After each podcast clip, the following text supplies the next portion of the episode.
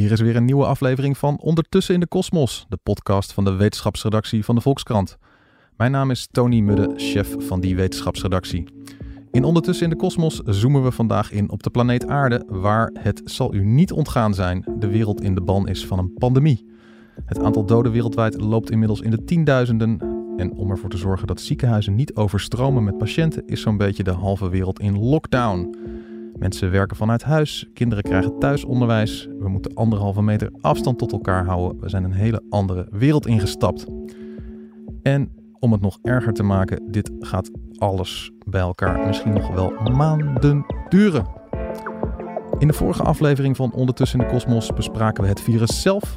Deze keer gaan we het hebben over de psychologische impact van een pandemie en de bijbehorende lockdown en maatregelen. Wat doet zo'n lockdown en virusangst eigenlijk met ons?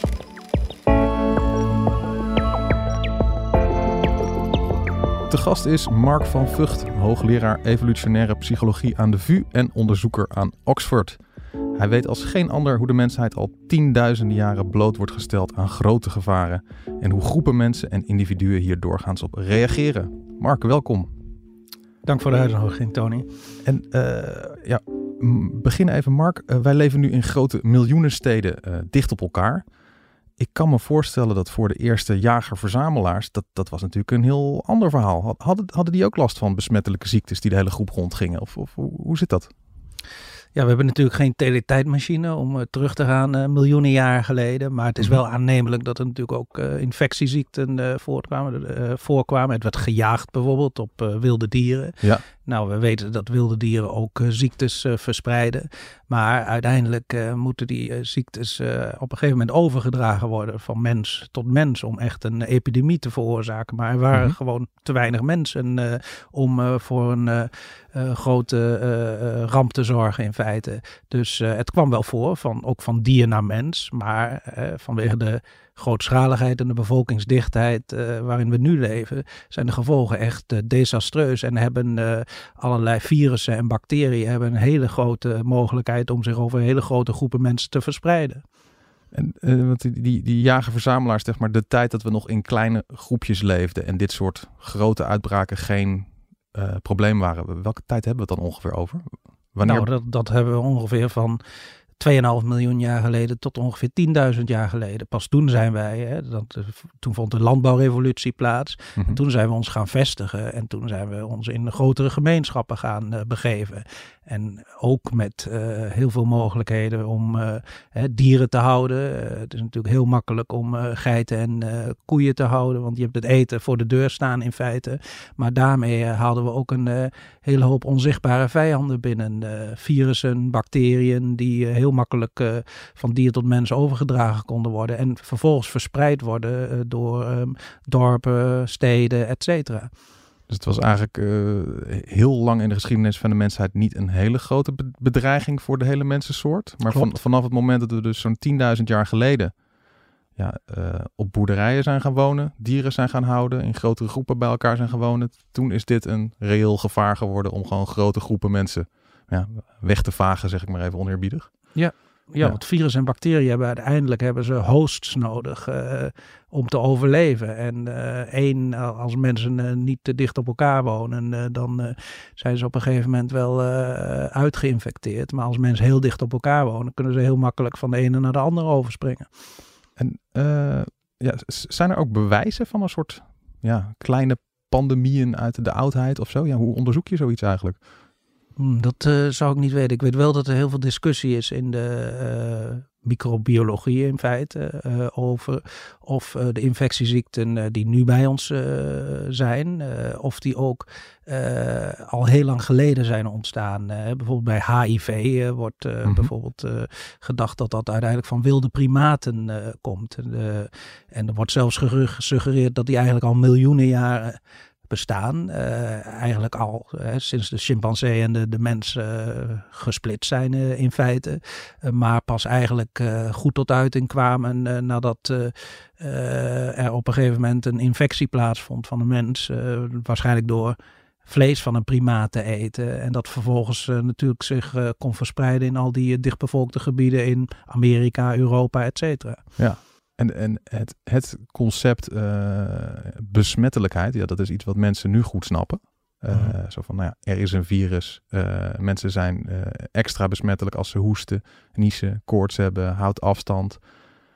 Maar er is natuurlijk het grootste gedeelte van de geschiedenis van de mensheid, dan hadden mensen natuurlijk geen idee, toch? Wat er aan de hand was als er opeens allemaal mensen omvielen.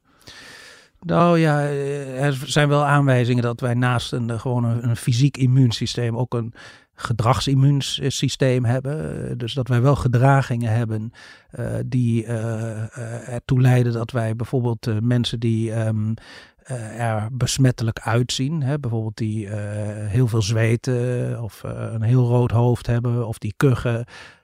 of niezen, dat we dit, die wel proberen te vermijden. Mm -hmm. En dat dat systeem al heel oud is. Alleen. Dus dat is niet aan, niet aangeleerd gedrag, maar echt iets waar je mee geboren wordt? Zo van als iemand een beetje ziek is, dan, dan oogt, dan blijf ik uit mijn buurt? Waarschijnlijk wel, ja. En dat uh, uh, een van de primaire emoties waar wij uh, veel als evolutionaire psychologen onderzoek naar doen, is walging. Mm-hmm. En walging wordt opgewekt als wij geconfronteerd worden met dingen die een beetje vies zijn. Ja. dat kunnen vies eten zijn, beschimmelde boterham, zeg maar. Maar ook zieke mensen kunnen walging activeren bij ons.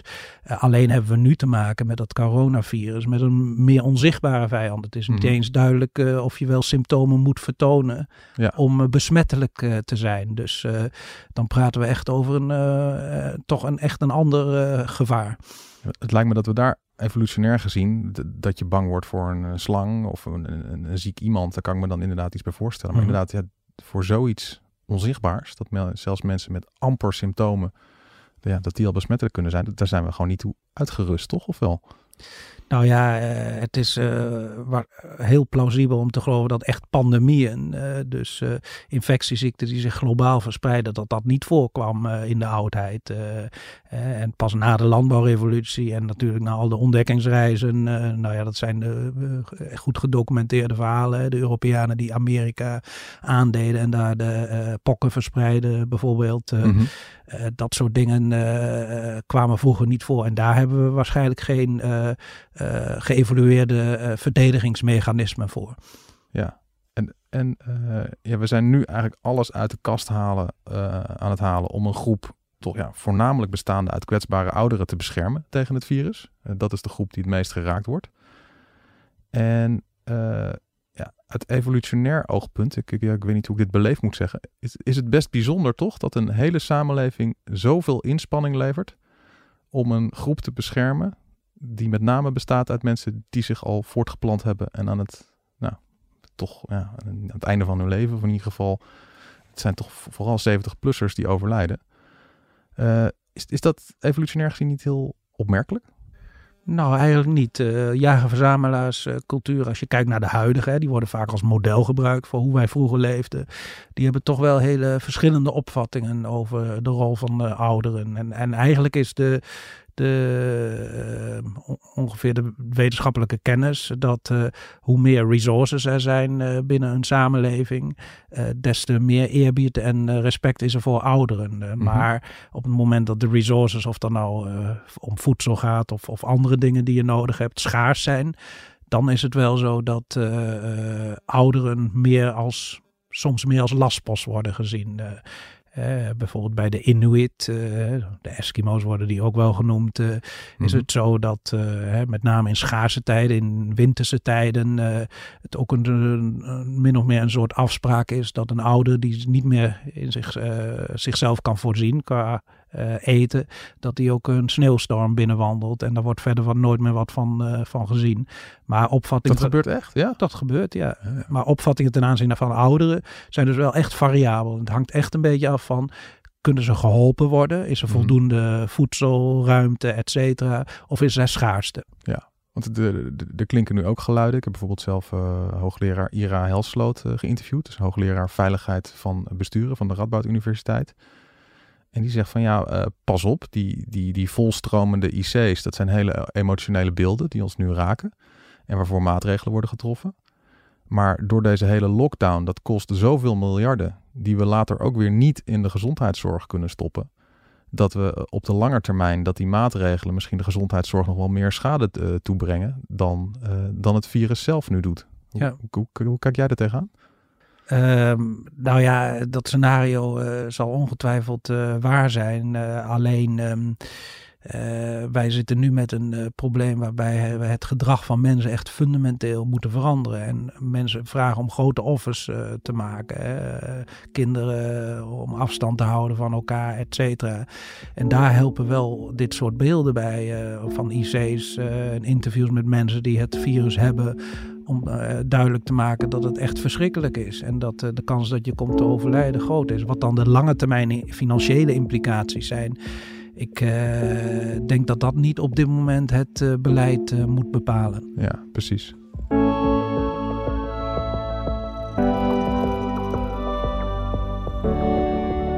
Tijd voor onze vaste rubriek Een Vraag Tussendoor. En wij hebben hier een alwetend algoritme neergezet. En dat alwetende algoritme die luistert mee naar de uitzending. En zoekt dan compleet zelfstandig een uh, vraag waarvan het algoritme weet dat die op dat moment leeft bij de luisteraars. Ik ben benieuwd wat het deze keer wordt. Hoe zorg je ervoor dat mensen anderhalve meter afstand houden in de supermarkt?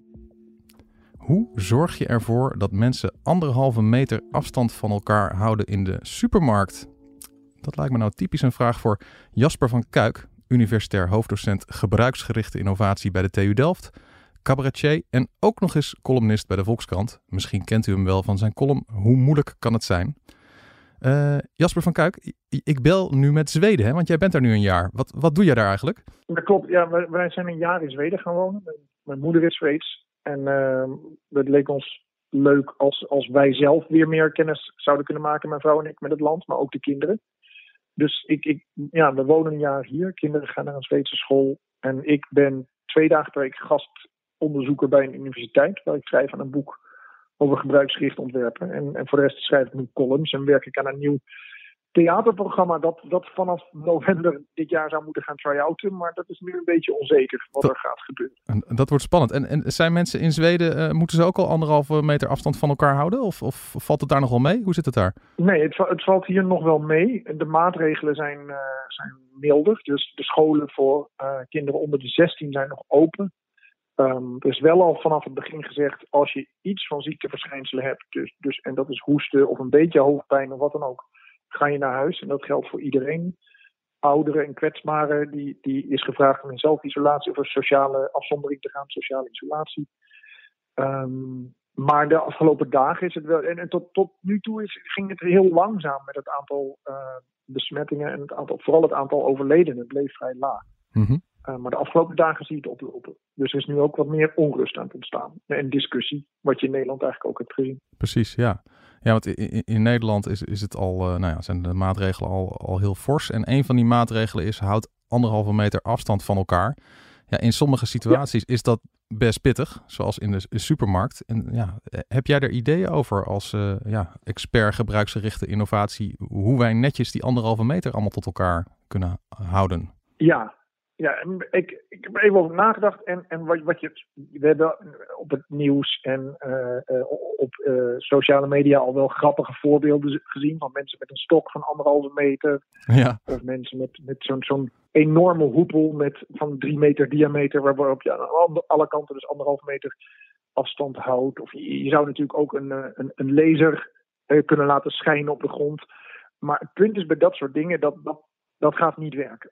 Want bij, bij dit soort ingrepen is de regel eigenlijk um, uh, hoe groter het effect en hoe kleiner de ingreep, dan is de kans groot dat, dat, dat iets geïmplementeerd gaat worden. En, en die, al die grappige gadgets die er zijn, ja, dat, dat, dat gaan niet de meerderheid van de mensen doen. Dus dan is het niet zo heel effectief. Ja, precies. Dus ik heb vooral nagedacht over wat zijn nou kleinere dingen die je kunt doen, waardoor het in de supermarkt, uh, uh, waardoor het makkelijker wordt om anderhalve meter afstand te houden. En de, en wat er nu al is, is de regel dat je maar met, alleen met een karretje naar binnen mag en dan beperken ze het aantal karretjes. Nou, dat is ja. al een mooie manier om dit te doen. Want dan beperk je het aantal mensen binnen in de supermarkt. Ja, dat doen ze bij mij in de supermarkt op de hoek ook al. En ik moet zeggen, het is inderdaad, uh, zodra je aan zo'n kar vast zit, dan, ja, dan ga je toch ma minder makkelijk even voor iemand langs scheuren om nog een pot pindakaas te pakken. Ja, nou, dat is, dat is dan een heel goed idee. Alleen, als mensen dan buiten staan, buiten wil je ook een rij voorkomen. Dus ik zat te denken, zou het niet kunnen dat je net als in de NS-app, waar je de drukte van sommige treinen kan bekijken, dat je kunt zien hoe druk het is bij je supermarkt. Zodat je ook voorkomt dat er te veel mensen tegelijk überhaupt komen en buiten Oh, ja. gaan staan. Goed idee. Ja, ook of zo'n bord bij de Efteling van het is nu heel druk bij de, bij de die achtbaan, dus ga maar naar die andere. Alleen de vraag is hoe je aan die data moet komen. Dat, dat, dat moet je of iets met, ja, je moet gaan meten hoeveel mensen er binnen zijn. Dus je zou of moeten kijken naar hoeveelheid karretjes die er buiten staat, et cetera. Daar heeft de NS ook moeite mee gehad. Omdat dat is een, dat is nog een ding, maar het, de informatie zou denk ik heel goed zijn. Ehm, en dan, dan is er iets meer iets, iets wat volgens mij zit in, het, eh, in, het, in de sociale psychologie. Dit is een nieuwe norm. We zijn met z'n allen een nieuwe norm aan het vaststellen. We moeten anderhalve meter afstand houden. Mhm. En met, met, met normen is het zo, die worden makkelijker nageleefd als er duidelijk wordt gezegd dat het een norm is. Of als veel mensen het doen. Denk aan je hand uitsteken als je afslaat. Ja, als, als ik dat als enige doe in een straat, dan denk ik altijd een beetje, ja, ik ben toch een beetje een suffe lul dat ik dit nu loop te doen. Niemand doet het Ja. en ik steek mijn hand uit. Ja. Dat wil je niet. Dus wat je bijvoorbeeld zo heel bij de ingang van een supermarkt elke keer heel duidelijk zeggen: houd anderhalve meter afstand. En niet eens zozeer omdat mensen het niet weten, maar omdat je daarmee zegt: dit vinden wij met z'n allen belangrijk. Ja. En daardoor kunnen mensen elkaar er ook beter op aanspreken als het gebeurt. Want dan is er duidelijk vastgesteld: in deze ruimte is dit heel belangrijk. Ja, dat het duidelijk vaststaat hoe, hoe heurt het hier eigenlijk.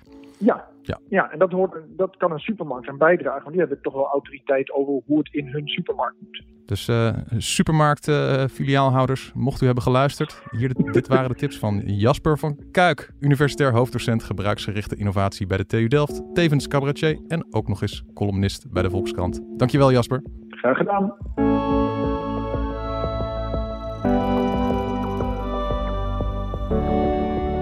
Gaan naar eh, het, het tweede onderdeel van de podcast. Eh, hoe veranderen samenlevingen onder de dreiging van een besmettelijke eh, ziekte? Je hebt daar zelf onderzoek naar gedaan, hè? Hoe, hoe die samenlevingen veranderen. Kun je daar wat over vertellen? Dat klopt. Eh, wij hebben onderzoek gedaan, eh, onder andere, daar zijn we op dit moment mee bezig. Dat zouden we eigenlijk eh, ook op een wetenschappelijk congres presenteren in Amerika volgende maand. Maar, ja, die bestaan niet meer. Nee. maar wij laten daarin zien dat landen die veel met infectieziekten worden geconfronteerd, ook in het verleden. Dus waar er een hoge mortaliteit of sterfelijkheid is als gevolg van allerlei besmettelijke ziekten, hè, zoals eh, de tyfus, TVC, TBC, et cetera. Dat eh, die landen ook eh, strakkere normen hebben. ehm, en strakkere normen hoe mensen met elkaar omgaan. Er ook meer collectivistische zijn, eh, meer dan individualistische. Hè. Wij Nederlanders scoren op die index over het algemeen laag van in, infectieziekte of dood door infectieziekte. Eh, en wij hebben een wat een meer individualistische samenleving. Nou, wij laten zien en anderen hebben dat ook in het verleden laten zien dat landen die hoog scoren op die infectieindex ook meer collectivistische zijn. Dat wil zeggen dat er sterkere sociale normen zijn over hoe je je moet gedragen Mhm. sterkere eh, intolerantie voor afwijkend gedrag. Ook minder innovatie, dat is ook nog een interessante En hebben we het eh, dan link. over, over zeg maar, eh, geldt dat dan voor gedrag dat te maken heeft om jezelf te beschermen tegen een virus? Of gaat het eh alle vormen van afwijkend gedrag? Bijvoorbeeld eh, een, eh, een parodie over de grote leider eh, maken? Of, eh, Ja, dat generaliseert zich wel. Eh, dus eh, landen eh, die historisch gezien veel met infectieziekten te maken hebben, hebben strakkere normen op elk gebied. Ook op seksueel gebied bijvoorbeeld. Onderzoek laat ook zien dat persoonlijkheden veranderen. In landen met veel infectieziekten zijn over het algemeen mensen ook wat introverter bijvoorbeeld. Dus het heeft eigenlijk op heel veel domeinen van een samenleving en van sociaal gedrag invloed. En en is dat dan echt een kausaal verband? Dat komt door die infectieziektes dat die samenlevingen zo zijn? Of hangt dat, kan dat ook gewoon Kijk, toevallig met elkaar samenhangen? En... Kijk, dat is, een, dat is natuurlijk heel interessant, want we hebben het vaak nu over historisch onderzoek, archiefonderzoek. Mhm. Eh, toen het e- een van de eerste papers vanuit de evolutionaire psychologie daarover verschenen was in 2008 volgens mij. Eh, toen eh, dacht de gemeenschap, de wetenschappelijke gemeenschap van nou dat kan toch niet. Maar die relatie is elke keer weer gevonden. Ook, uh, hè, dat is nogal ingewikkeld met uh, allerlei andere variabelen die je uit die uh, vergelijking wegneemt, Mhm. blijft nog steeds heel sterk dat verband bestaan tussen historisch voorkomen van infectieziekten in Ja. een in, eh, land en eh, allerlei eh, normen eh, die er in dat land heersen. hoe mensen met elkaar omgaan, hoe ze elkaar begroeten, wat voor persoonlijkheden, et cetera. Dus ik ben er vrij echt van overtuigd dat het een heel sterk verband is. Dat Mhm. het, en uiteindelijk zien we dat natuurlijk nu ook terug in deze huidige crisis. dat binnen eigenlijk enkele weken tijd de normen hoe wij met elkaar omgaan echt totaal veranderd zijn. En, en eh, noem eens wat van die normen waarvan je zegt van ja, dat is ondenkbaar dat dat, dat, dat zonder zo'n infectieziekte eh, geaccepteerd zou worden. Gewoon dat mensen thuis moeten gaan werken bijvoorbeeld. ja, hoe mensen elkaar begroeten is natuurlijk wel eh, echt een heel belangrijk. De, de- Nederland heeft een, wat wij dan noemen in de sociale psychologie, een wat losse cultuur. Dus een cultuur waarin he- niet hele sterke normen zijn eh, van zo moet je je gedragen, zo moet je je eruit zien. Precies. En dat ja. betekent- Bepaal zelf wel of ik mijn hand uitsteek als ik de bocht eh, neem. eh, met, de- met de fiets. Ja. En wij zijn redelijk uitbundig, ook als Nederlanders, in elkaar begroeten. Als wij mensen op bezoek krijgen om te eten en iemand die je kent neemt zijn partner mee. Eh, een vrouw, ja, dan is de verwachting dat eh, we elkaar kussen. Terwijl Ja. ik die persoon nog nooit eh, eerder heb gezien. Nou, dat is in andere culturen echt totaal niet het geval Ondenkbaar, ja. ondenkbaar. En dat heeft toch waarschijnlijk te maken met bepaalde gedragsregels die uiteindelijk besmettelijkheid en besmetting moeten voorkomen. En, en zag je het dan ook gebeuren? Ik bedoel, Europa is ook wel eens gebukt gegaan onder, onder de pest bijvoorbeeld. S- Dan zou je dus kunnen onderzoeken of in die jaren eh, mensen ineens eh autoritairder gezag gingen accepteren. Dat zou kunnen. Ik weet niet eh, of dat onderzoek gedaan is. Wij hebben wel zelf onderzoek gedaan dat laat zien dat landen die dus historisch met infectieziekten te maken krijgen, dat daar ook een sterker voor is, voorkeur is voor meer autoritair leiderschap. Mhm. En de relatie is eigenlijk makkelijk te begrijpen, omdat als je hele strakke sociale normen hebt en strakke gedragsregels, wil je ook dat er mensen zijn die dat allemaal in de gaten houden en gaan controleren en boetes gaan uitdelen. En ja, dat betekent dat je eigenlijk meer macht van de burgers wegneemt en meer macht geeft aan een overheid om dat te reguleren. Dus is een, eh, voor een dictator wannabe is eigenlijk een virusuitbraak een soort ideale omstandigheid om eh, toe te slaan? Dat zou- je wel kunnen zeggen. Eh, er zijn natuurlijk ook wel eh, anekdotes over hoe bepaalde leiders, eh, ook in Europa, deze crisis gebruiken om toch nog weer wat macht eh, eh, naar zich en naar de overheid toe te trekken. Hongarije wordt in dit verband wel eens genoemd. Ehm, natuurlijk is wel de consequentie dat als het goed misgaat met de maatregelen die een land neemt, dat de dictator natuurlijk ook heel veel invloed kan verliezen. Ja, precies. Eh, is- niet een, en, en- op het moment dat zo'n virusrisico weer weg is, op het moment dat, eh, noem maar wat, over twee jaar, eh, dan is eh driekwart van de Nederlanders eh, heeft dat virus achter de rug, eh, is immuniteit, is geen groot probleem meer. Eh, keren we dan gewoon weer terug naar hoe we waren? Of blijft eh, handen schudden een verdacht ding nog eh, heel lang? Hoe, hoe lang werkt zoiets door? Ja, dat is eh, niet zo heel makkelijk te zeggen, maar dat archiefonderzoek laat wel zien dat echt een eh, hè, de historisch, eh, eh, ehm, historische eh, blootstelling aan infectieziekten van de afgelopen eeuw bepalen echt de normen en gedragsregelen in een land nu. Ja, ondanks toename in gezondheidszorg en weet ik veel wat. Eh, dus eh, dat verandert echt een eh, cultuur fundamenteel. En dat zal ook Nederland treffen en Europa treffen. Ik denk dat wij, nou, het is moeilijk te schatten, maar de eerste jaren echt niet zo losjes meer met elkaar omgaan. Dat we heel voorzichtig zijn om ons in grote massa's te begeven. Dat wij ook heel veel meer verantwoordelijkheid eh, vragen van eh, individuele burgers. Mhm. Eh, Ik noem maar een voorbeeld. Ik heb een paar Chinese promovendi die op dit moment hier in Amsterdam zitten en werken bij mij. En die vinden het onverklaarbaar dat Nederlanders niet met mondkapjes rondlopen. Dat vinden ze echt asociaal. Ja. Eh, vooral mensen die een beetje snotteren. Nou, ik, ik reis in de trein eh, dagelijks eh, naar de VU. voor deze crisis uiteraard. Nou, Mhm. daar wordt ge, geniest, gekucht. wat een, dat wil je niet weten. En er wordt eigenlijk niks aan gedaan. Dus deze pandemie zal ertoe leiden dat het gedrag van mensen echt fundamenteel gaat veranderen. Meer verantwoordelijkheid bij de beurs, meer mondkapjes volgens mij. Ja. Minder tolerantie ook voor mensen die afwijkend gedrag eh, vertonen of ziek zijn. Al ga toch maar naar die vergadering, eh, ook al voel je je niet helemaal lekker, we hebben je nou nodig. Dat zal niet meer gebeuren. En wie weet eh, dat ook het schoolsysteem fundamenteel gaat veranderen. Wat denk je dan? Het schoolsysteem fundamenteel veranderen? Gewoon Nou, elk, kind met een, met, met een eh, thuis blijven? thuis blijven en dus ook waarschijnlijk meer ehm, eh, mogelijkheden om eh, thuisscholing te krijgen. Eh, hè, waarom blijven, moeten scholen vijf dagen per week voor kinderen open zijn? Dat kan misschien ook best met vier of drie dagen en twee dagen thuiswerken. Ja. Ja, ik, bedoel, ik, ben nu zelf nou, vijf, dagen in de week aan het werken en tussendoor thuisonderwijs aan het geven. En ik zat er ook aan te denken. Ik bedoel, ik, ik woon in Amsterdam, een stad met een lerarentekort. Het is natuurlijk heel verleidelijk om na deze crisis te zeggen van... nou jongens, we zijn allemaal gewend aan eh, thuisonderwijs Ja. vijf dagen in de week. Eh, we gaan voortaan nog maar vier dagen in de week school doen.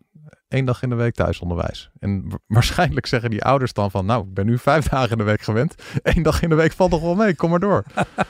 Nou ja, maar het, eh, deze crisis leidt echt tot langdurige verschuivingen. Ja, dus in hoe wij met elkaar omgaan, hoe wij onze systemen en instituties inrichten. Daar ben ik van overtuigd. Want het, eh, oplossing voor, eh, om een herhaling van deze problematiek te voorkomen, is dat we eh, stoppen met de globalisering. Ja. Hè, dat we ons land met een hek omgeven en heel, heel sterk kijken van wie, wie er ons land binnenkomt en, en wie niet.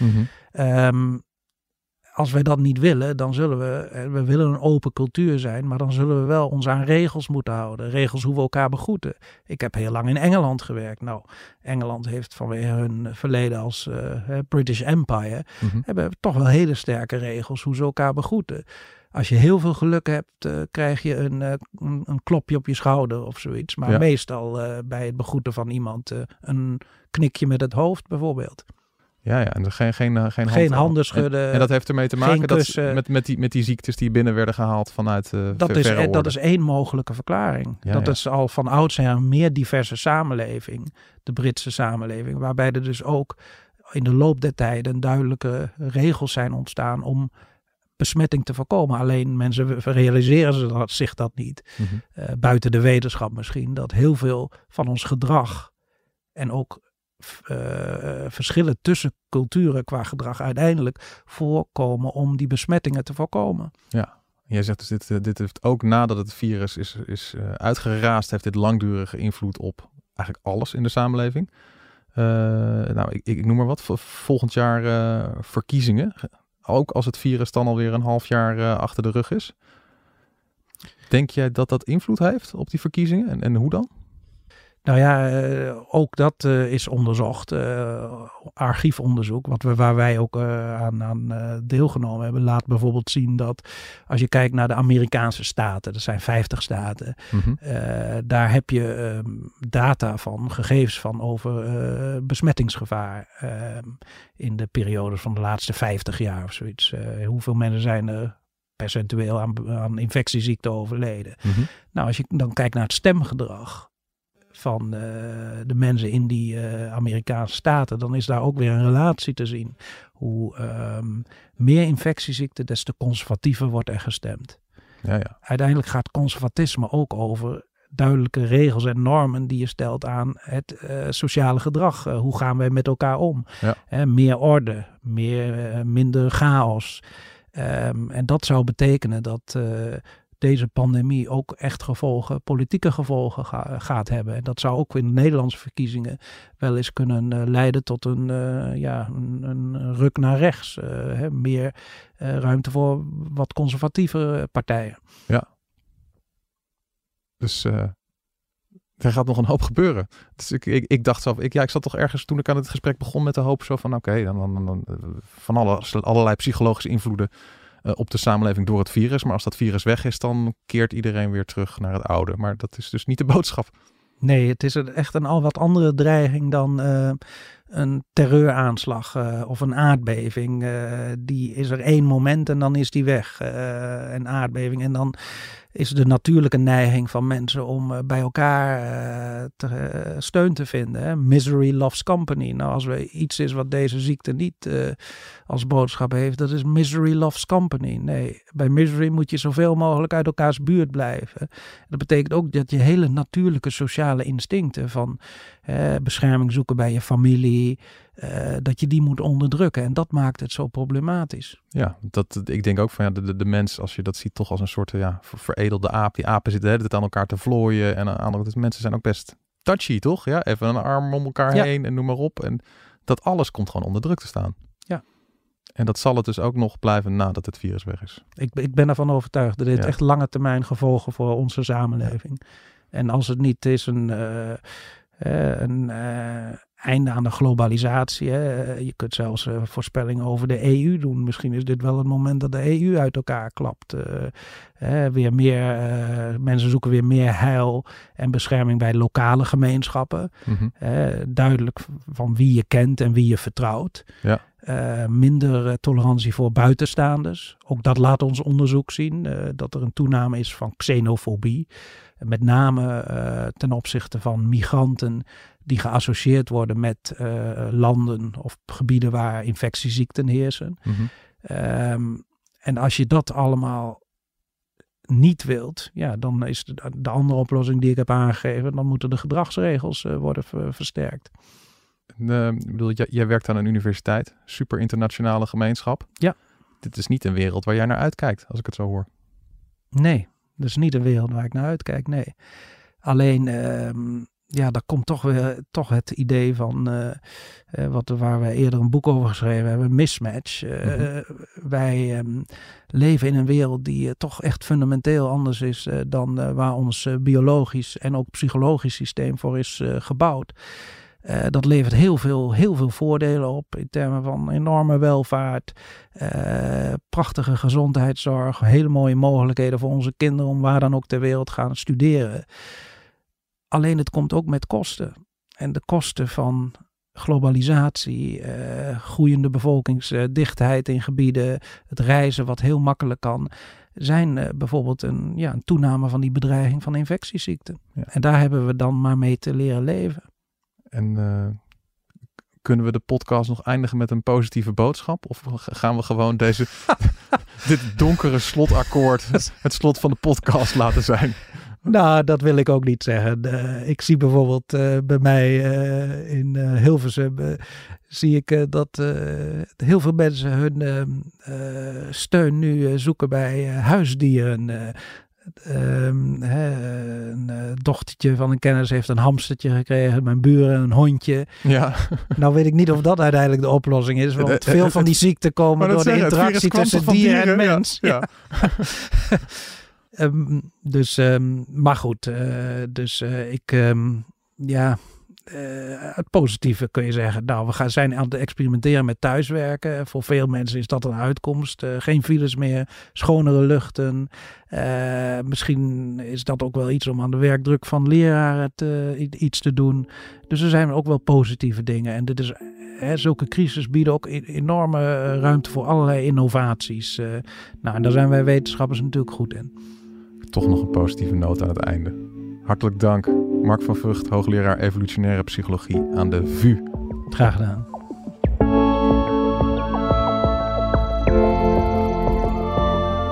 Dit was Ondertussen in de Kosmos, de podcast van de wetenschapsredactie van de Volkskrant. Hartelijk dank aan mijn gasten Mark van Vught, hoogleraar evolutionaire psychologie aan de VU. En Jasper van Kuik, cabaretier, columnist en ook nog eens innovatie-expert. Dat laatste eigenlijk nog het meest. Verder dank aan ons podcastteam achter de schermen Daan Hofstee, Simone Eleveld, Corinne van Duin. Wil je de volgende aflevering van Ondertussen in de Kosmos niet missen? Abonneer je dan op je favoriete podcast-app. Een vriendelijke recensie achterlaten wordt ook altijd gewaardeerd. Dit was Ondertussen in de Kosmos, de podcast van de wetenschapsredactie van de Volkskrant. Graag tot een volgende keer.